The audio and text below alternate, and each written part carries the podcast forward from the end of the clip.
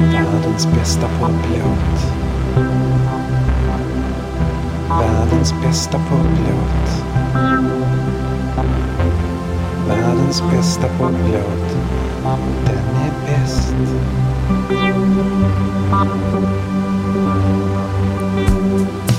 Världens bästa poplåt. Nu är den här. Världens bästa poplåt. Jag är så glad och kär. Världens bästa poplåt är här igen. Och jag undrar, vilken kan det vara? Världens bästa poplåt. Snart så har jag svar. Världens bästa poplåt. Inga frågor kvar. Världens bästa. Hej Shabaloba! Det här är världens bästa poplåt om världens bästa poplåt och vi närmar oss avsnitt 100 av den här serien om världens bästa poplåt. Lite beroende på hur man räknar, givet att det finns några avsnitt på Patreon för den som vill betala för världens bästa poplåt. Så det här kanske är troligen avsnitt 98, men det kan också vara avsnitt 93. Det är inte lätt med matematik. Kurt Gödel var en matematiker som 1931 publicerade sina ofullständighetsteorem. Kortfattat går dessa ut på att inget formellt system som matematiken kan ledas i bevis utan att minst en sats utanför systemet hålls för sann, utan att alltså kunna bevisas av systemet. Matematiken är inget som kan bevisas enbart med matematik. Det där önskar jag att jag hade vetat på högstadiet när jag började få dåliga betyg i matematik och jag istället för att bittert acceptera att mina insatser underkändes skulle jag ha frågat Gun-Kristin varför 4 plus 4 är 8 och sedan likt en fyraåring frågat gång på gång varför för varje svar hon gav tills det att hon gav upp och bröt ihop och erkände att matematiken är en lögn precis som betygen är. Min poäng här och nu är i alla fall att jag helt enkelt bestämmer att det här är avsnitt 98 och att vi firar 100 om tre avsnitt. Firandet av 100 avsnitt om världens bästa poplåt börjar där vi började med The Beatles. Den första världens bästa poplåt var I saw her standing there. Låten som inleder världens första pop-LP Please Please Me och drar igång den moderna populärmusiken som en ostoppbar kraft. Vad som inte var lika ostoppbart där i december 2021 när avsnittet publicerades var mina färdigheter i ljudproduktion och manusskrivande men ändå, och nu är vi här.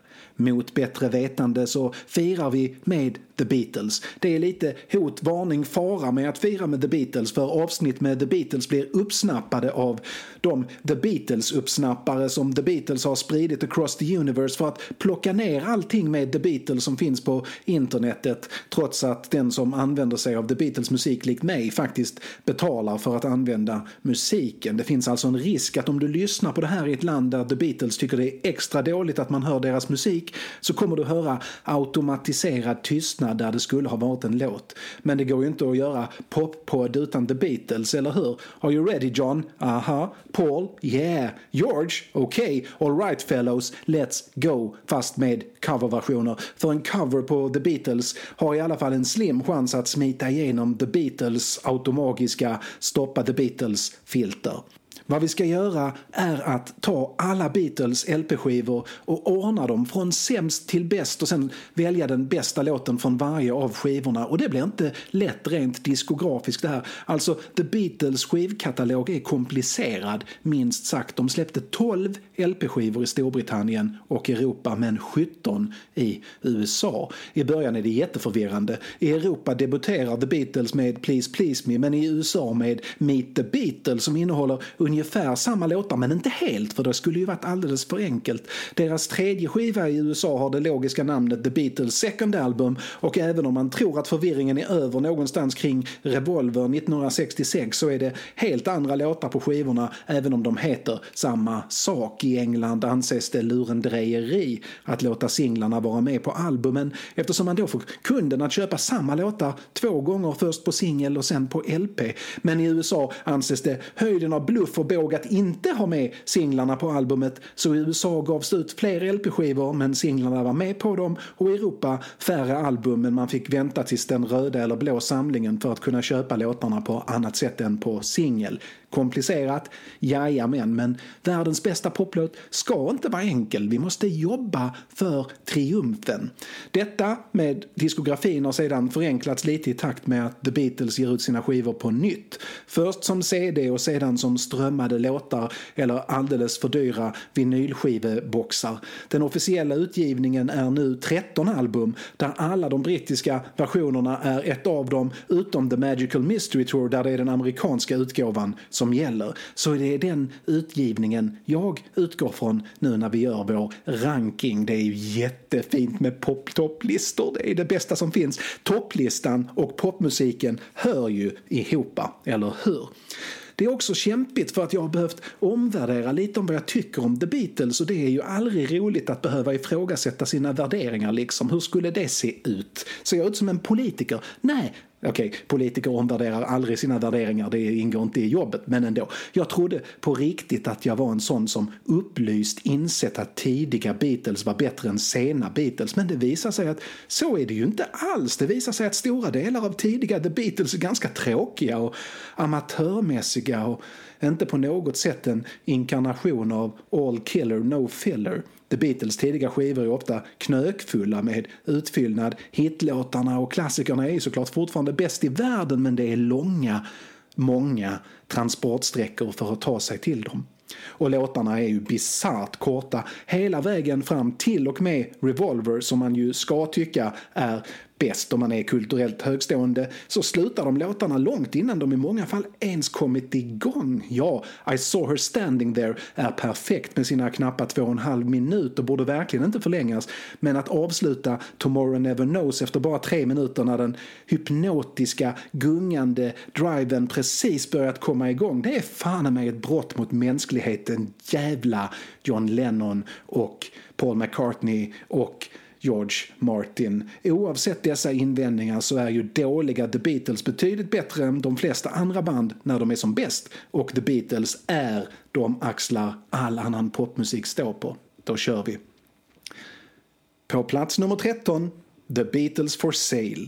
Skivan må vara en inspelningsmässig triumf där The Beatles för första gången på allvar utnyttjar möjligheterna i en fyrkanalig studio men herregud vad mycket utfyllnad. I och för sig inte konstigt med utfyllnad när det är den fjärde skivan på 20 månader. Alla Beatles skivor släpptes för övrigt på 6 och ett halvt år för de var helt sjuka i huvudet. Och från att det var inga covers på skivan före The Beatles for Sale så är det hälften av låtarna som är covers på denna. Man lyssnar inte på The Beatles för att höra dem spela andras låtar om inte andras låtar är Twist and Shout eller Boys utan man vill lyssna på George Harrisons låtar och låtar av de där andra tjommarna i bandet.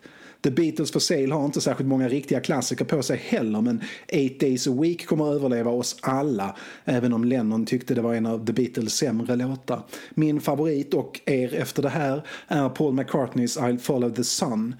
Den är som en sammanfattning av allt som är bra med Pauls tidiga balladskriveri, fast bättre. När Lennon kommer in med stämsången på sticket kan det vara ett av mänsklighetens finaste ögonblick. Fast det får vi inte höra här, men vi får höra fantastiska Mona Lisa Twins istället. One day you'll look to see I've gone for tomorrow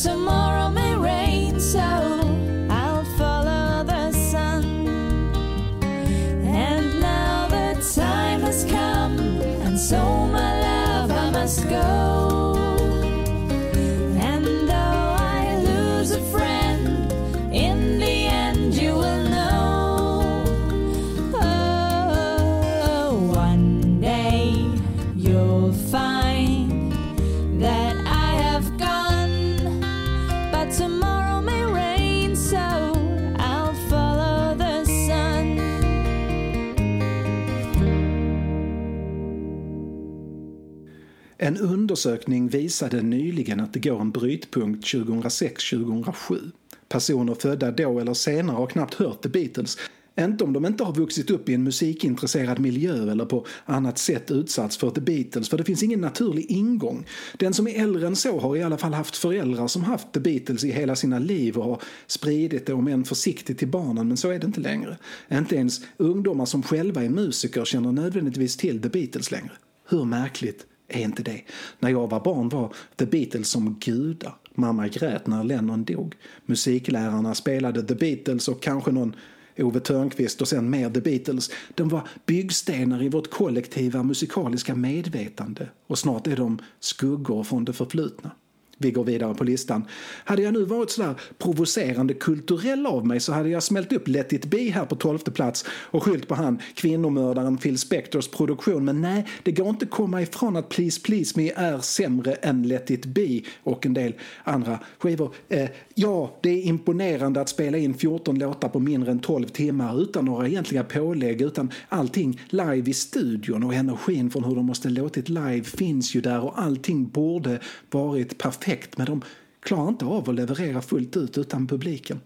Twist and Shout gör The Beatles till sin egen och herre jävlar vilken mäktig avslutning på skivan det är. Och skivan inleds ju för övrigt med världens bästa poplåt någonsin, I saw her standing there, men däremellan mestadels utfyllnad förutom Please Please Me, P.S. I Love You och Boys då, men Love Me Do invänder ni som om ni inte hört hur illa John Lennons munspel låter. Tolfte plats för Please Please Me alltså, men de låtar som är bra på den är hur bra som helst. Hur bra som helst. Mina damer och herrar, här är Stereophonics som lyckas fånga det mesta av The Beatles energi när de gör I saw her standing there.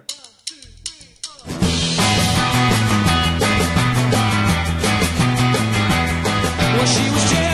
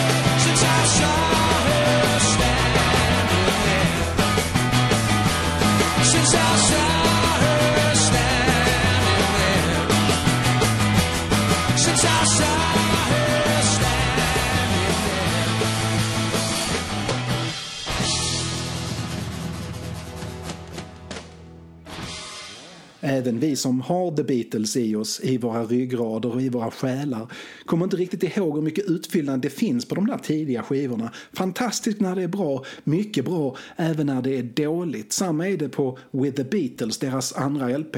Den låter bättre än den första, men jävlar vad mycket onödigt det är med på den.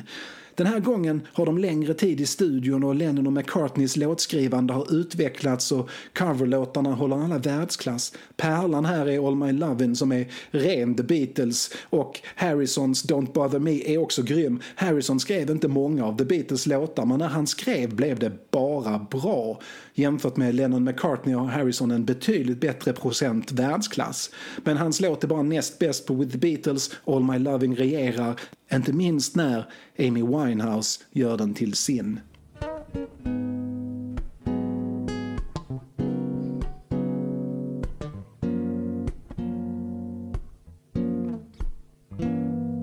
Close your eyes and I'll kiss you. Tomorrow Remember, I'll always be true. And then while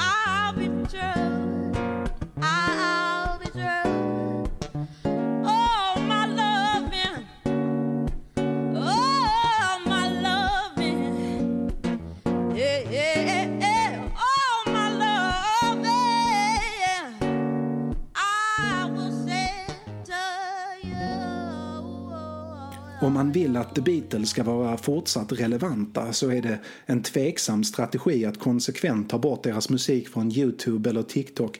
Eftersom även om det hypotetiskt skulle kunna vara så att musik lite gratis tillgänglig skulle kunna skada någon skivförsäljning men, och jag kanske är lite dum i huvudet nu, jag misstänker att det inte finns en enda människa där ute som låter bli att köpa den nya 5 LP-långa supertunga megalyxpressade vinylskiveboxen med ytterligare en nymastering av Yellow Submarine för att All You Need Is Love ändå finns gratis att lyssna på i en video med någon snubbe i USA som pratar om sina teorier om vad Star Wars egentligen betyder.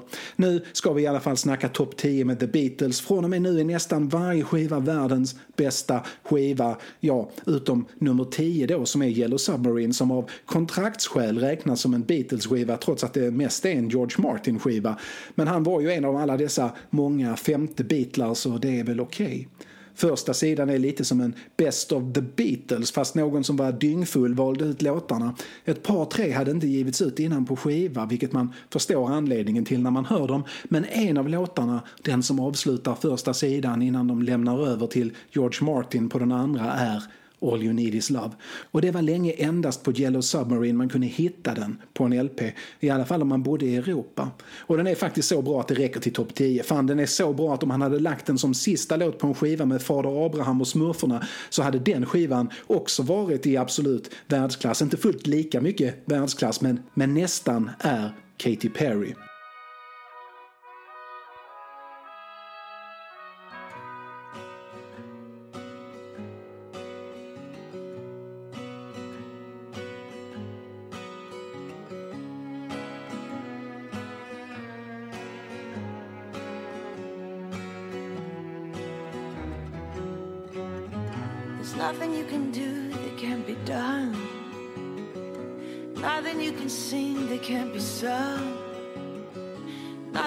But you can learn how to play the game.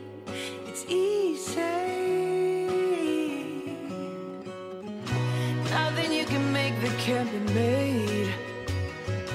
No one you can save that cannot be saved. Nothing you can do, but you can learn how to be you in time.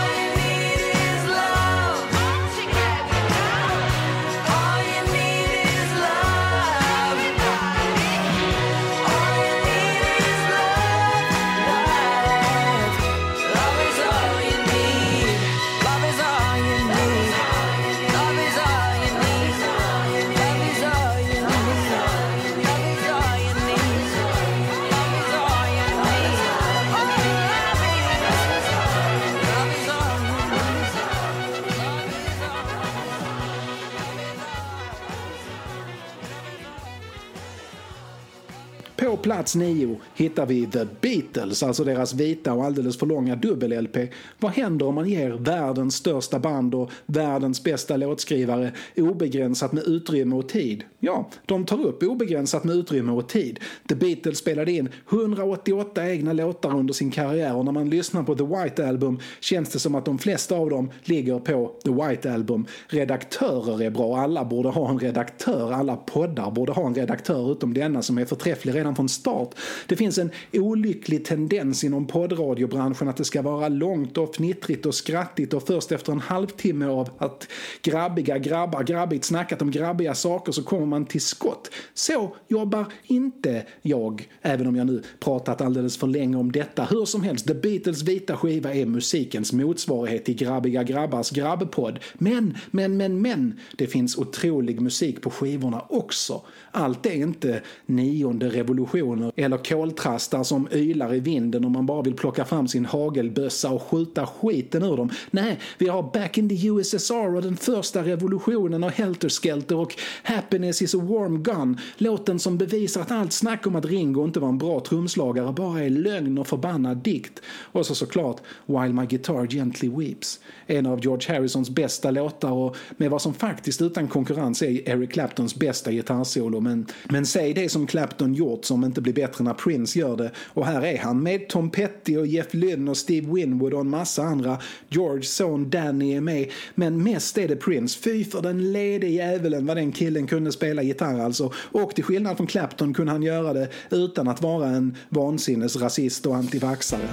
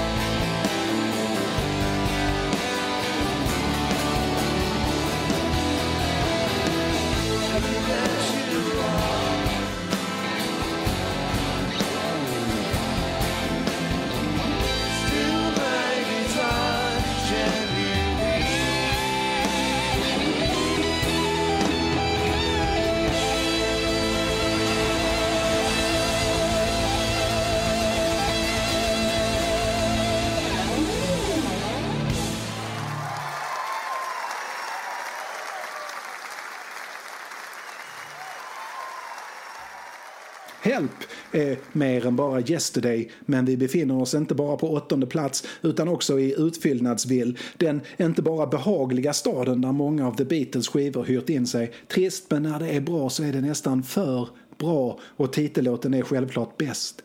John Lennons rop på hjälp är ett rop på hjälp men det är också ett rop på hjälp som heter duga.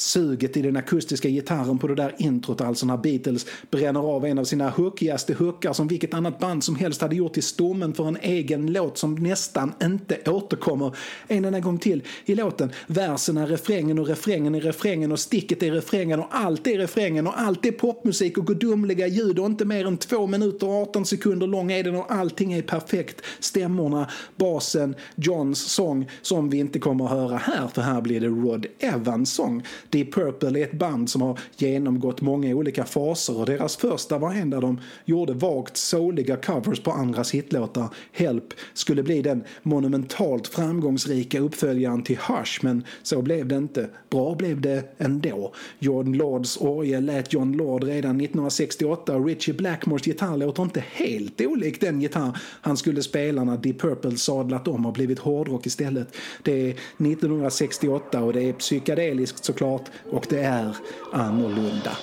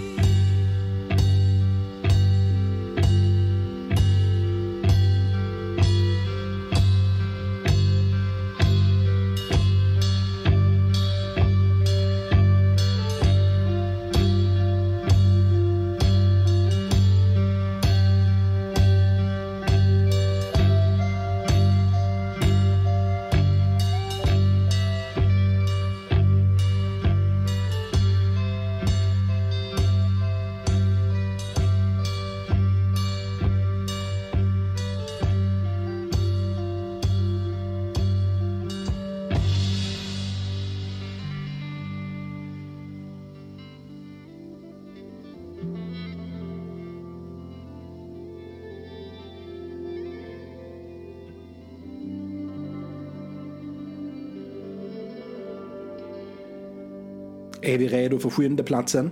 Klart vi är redo för sjundeplatsen för nu kommer den till slut. Den enda av The Beatles skivor som inte producerades av George Martin. Mannen vars perfekta blandning av äldre man som inte förstår ungdomarnas popmusik och genialisk studioräv som både var en mästare på att skapa en kreativ miljö och dra och löda ihop kablar. Det hörs att han inte är med. Det hörs också att det är en vilsen orkester som spelar, att de inte riktigt spelar tillsammans på Let it be. Det fanns en anledning till att de övergav projektet för att istället spela in den betydligt roligare och av insikten om att det troligen skulle bli deras sista LP präglade Abbey Road. Till Let it be kom George Harrison med ungefär alla låtar som finns i hela världen någonsin men det har man inte mycket för när man kommer med dem till John Lennon och Paul McCartney som av hävd ska skriva majoriteten av låtarna på The Beatles skivor. Många av Harrisons låtar hamnar istället på hans första soloskiva All Things Must Pass eller på Abbey Road. Det hade varit intressant att höra The Beatles versioner på några av de där låtarna men saker är som de är eller snarare var och det vi fick är en skiva som nästan bara innehåller klassiker. Titellåten Let it be förstås är enastående om man väl ser förbi hur uttjatad den är under det vidriga stråkarrangemanget på The Long and Winding Road som Phil Spector smög dit utan att Paul McCartney tyckte det var en bra idé döljer sig en ballad väl i klass med McCartney-ballader långt över medel. Across the Universe är Lennon när han är som bäst på att odla myten om John Lennon även om hans introduktion till Get Back bäst fångar hans personlighet. Det finns inte en dålig sekund på Let it be men den saknar den där lustfyllda explosionen av kreativitet och gudomlig pop'n'roll vi borde kunna förvänta oss av The Beatles. Bäst och mest experimentell är I Me Mine. Magi från början till slut.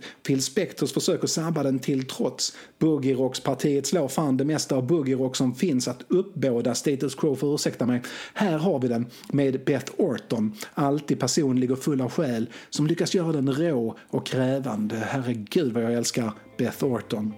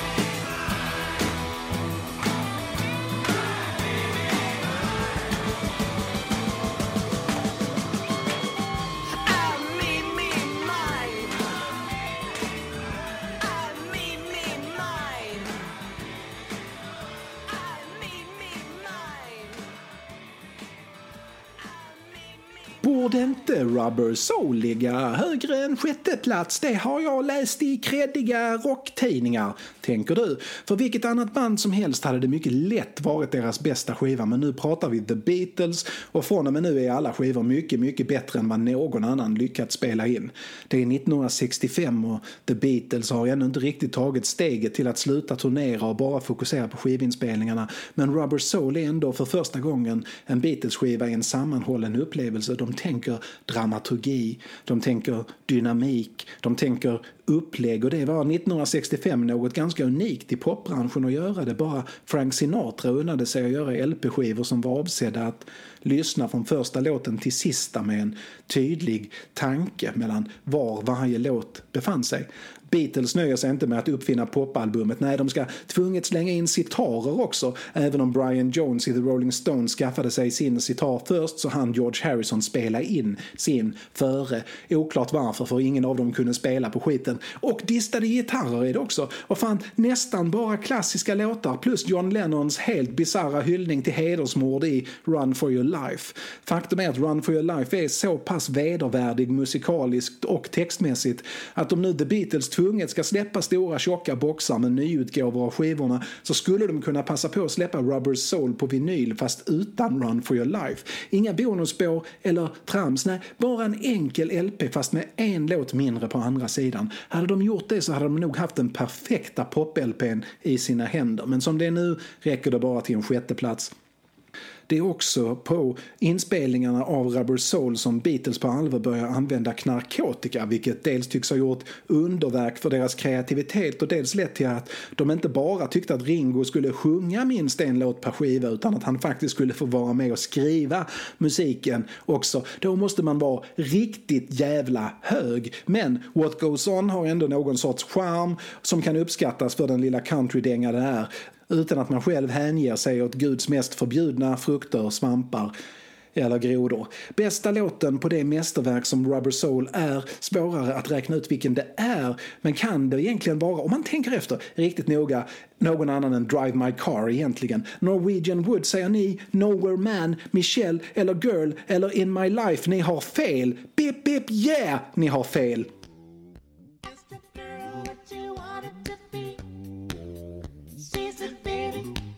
Can't you see?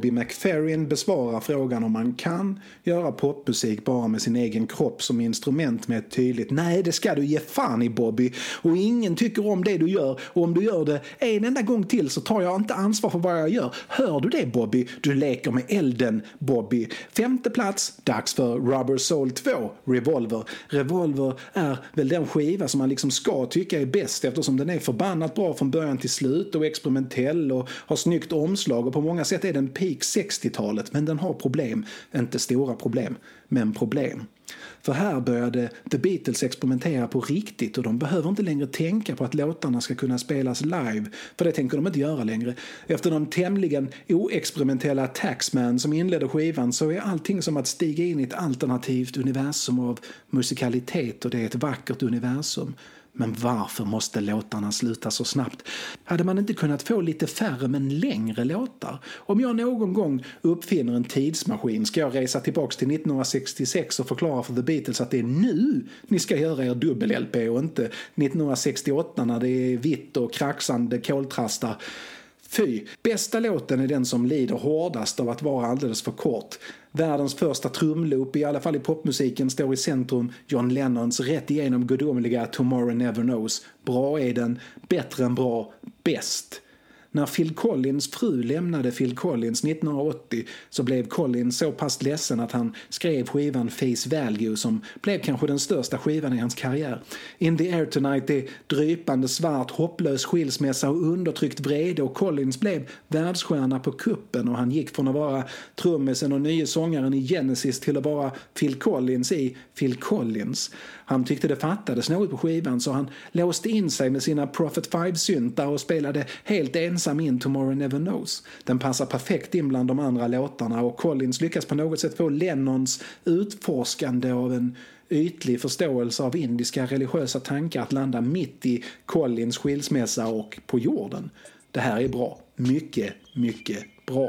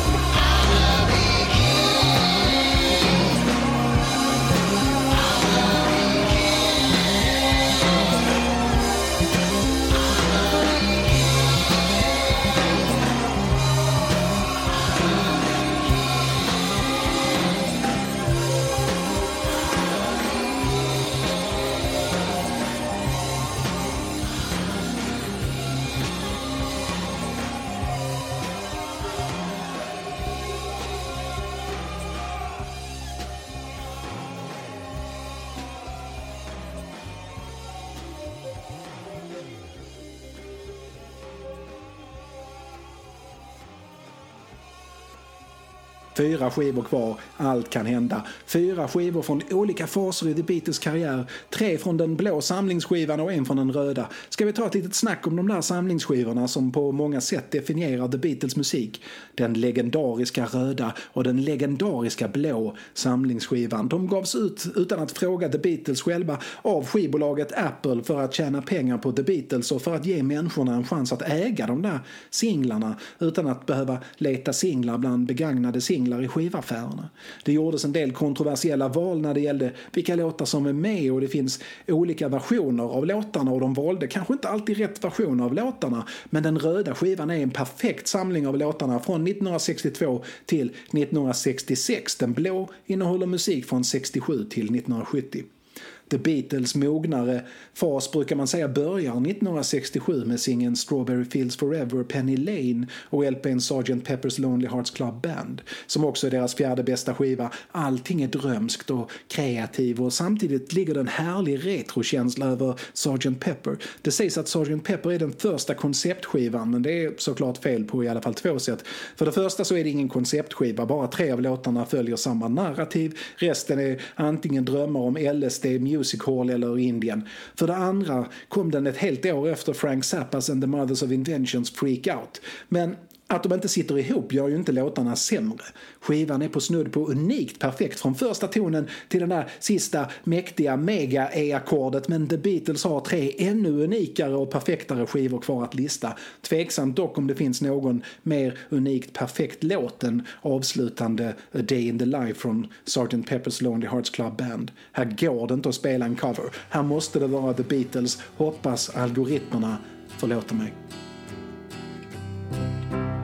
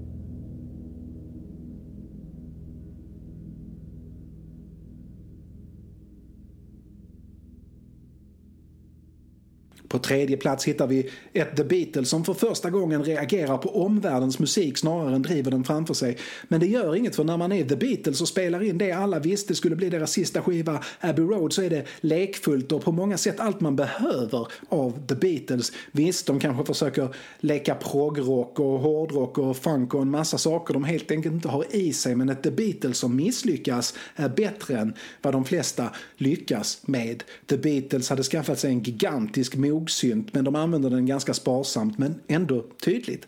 Abbey Road är i teknologisk framkant. Johns låtar låter väldigt John och underbart och Pauls låtar låter väldigt Paul och underbart och Ringos låt låter väldigt Ringo och låter som om den handlar om bläckfiskar. The Beatles medlet på andra sidan är perfekt med sina korta fantastiska små låtar och det av misstag gömda bonusspåret Her Majesty blir en lysande avslutning på The Beatles inspelningskarriär. Här bortser vi från de där Jeff Lynne-styrda misstagen på 1990-talet. Abbey Road är George Harrisons skiva. Visst, låtar som Come Together, Oh Darling och I Want You, She's So Heavy i all ära men Something och Here Comes the Sun äger den här skivan. Och man kan argumentera för att mycket av The Beatles framgångar bygger på Lennon och McCartney men alltså George Harrison ändå. Vilka låtar! George kanske inte fick så mycket plats på skivorna men det gör att han inte får så mycket utrymme att lägga dåliga låtar på. Something är som inget annat gitarrtonerna i början, sångrösten och den försiktiga synten kombinerat med att George en gång för alla tycks ha gett upp och försöka skriva låtar som Lennon McCartney. Nej, det här är ren Harrison och det räcker mer än väl. Ja, herregud, herregud vad bra det är. Och här är den med Frank Sinatra. Harrison älskade den här versionen även om han tyckte det var lite irriterande att Sinatra Sinatra envisades med att presentera den som sin favoritlåt av Lennon McCartney.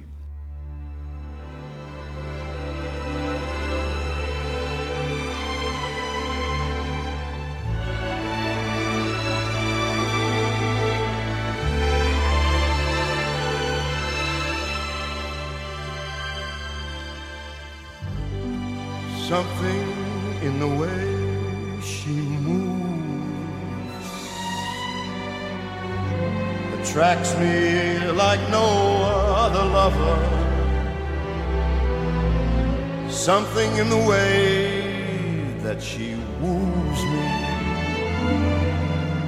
Don't want to leave her now. Better believe than how. Somewhere in her smile, she knows I don't need no other lover. Something in her style that shows me don't wanna leave her now. Better believe and how.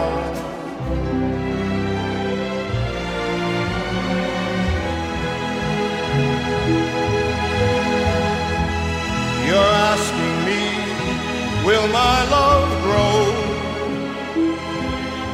Well, I don't know. No, I don't know.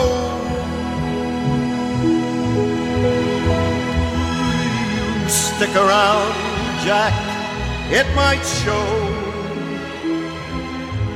I don't know. way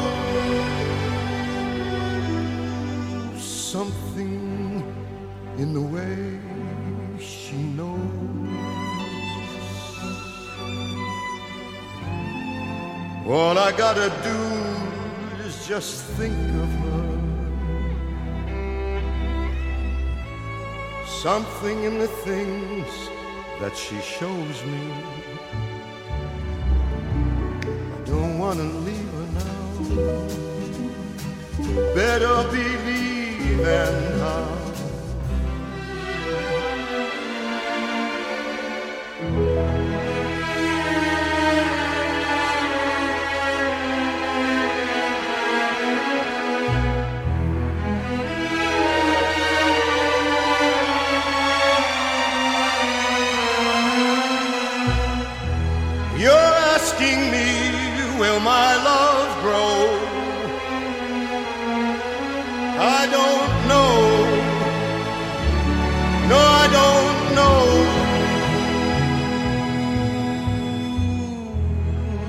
You hang around, Jack, it might show. I don't know.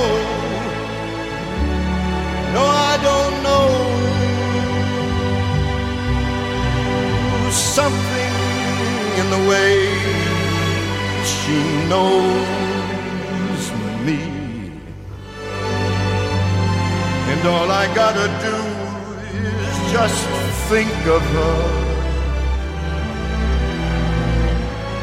Something in those things that she shows me. Don't wanna leave her now better believe and how. Mhm.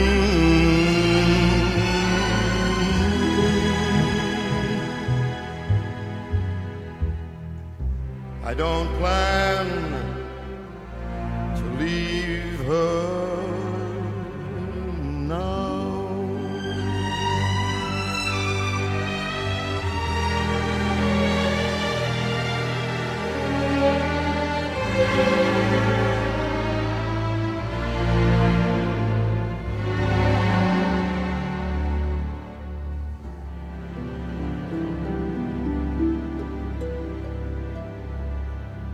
Nummer två då, näst bäst. Det är svårt. Och å ena sidan har vi Magical Mystery Tour och ni minns att det här är den amerikanska utgåvan som gäller. Men The Beatles på sitt mest psykedeliska Summer of Love-humör och fria tyglar i studion. Å andra sidan har vi fokuserade The Beatles mitt i Beatlemania 1964, bara 14 månader efter skivdebuten när de gör sin tredje LP A Hard Day's Night.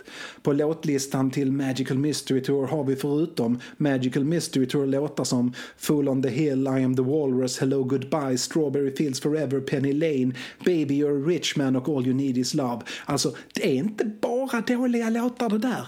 På skivorna hör vi ett The Beatles som uppenbart har roligt medan de spelar. Det är glädje, kärlek och innovation. Men det går inte att förneka att The Hard Day's Night har något alla andra The Beatles skivor saknar. Vi lyssnar på den bästa låten från Magical Mystery Tour först. Sen ska jag förklara varför Hard Day's Night är den bästa av alla Beatles fantastiska LP-skivor. Här har vi den med Noel. Vilken Noel? Noel såklart. Let me take you down, cause I'm going to Strawberry Fields. Nothing is real,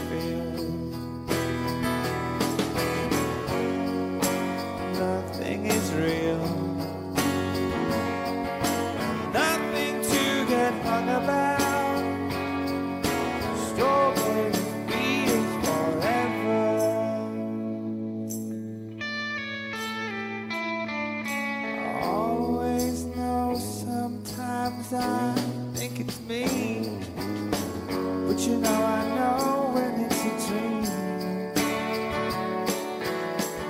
I think I know I mean a yes, but it's all alright. That is, I think I disagree.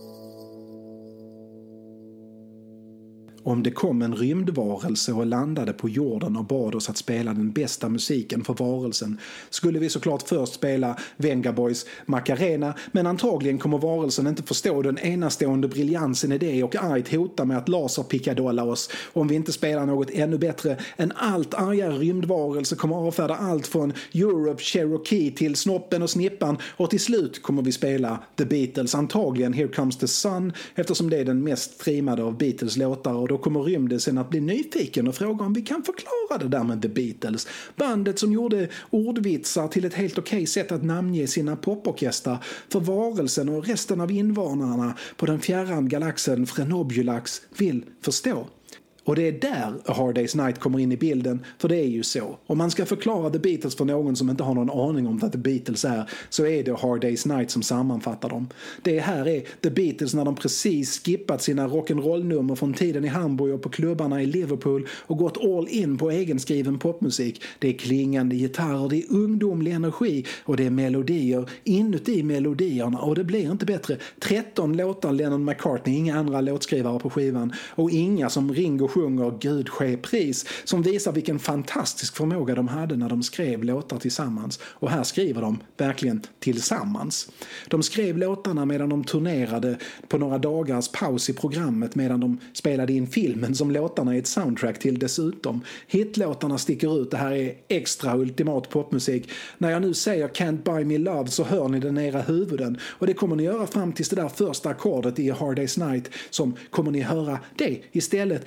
Ringo trummar som mest ringoigt och alla spelar med hela sina personligheter fullt ut. Ja, jag vågar sticka ut nacken lite här och säga att jag tror att The Beatles hade kunnat bli riktigt, riktigt bra med lite övning. De är inte Venga Boys, men de är ändå bra. The Beatles blev aldrig mer The Beatles än de var här på tredje skivan. A Hard Day's Night, mina damer och herrar. Den bästa låten från den bästa skivan. Ni kan lyssna på den anytime at all såklart, men det är nu är nu och nu lyssnar vi på den tillsammans. Fast i en version som är bättre än vad den egentligen borde vara och givetvis bättre än The Beatles. Detta är Martin Galway som spelar den på sin äkta Samperficer, det vill säga en Commodore 64 och året är 1986 och spelet heter Mikey och det här känns i magen så bra det är. Här sitter den alltså, Galway-typen, och programmerar låten rätt in i datorn med kod och inte klaviatur. När han böjer en ton så gör han det med både känsla och med en uträkning i matematik om hur böjningen ska översättas till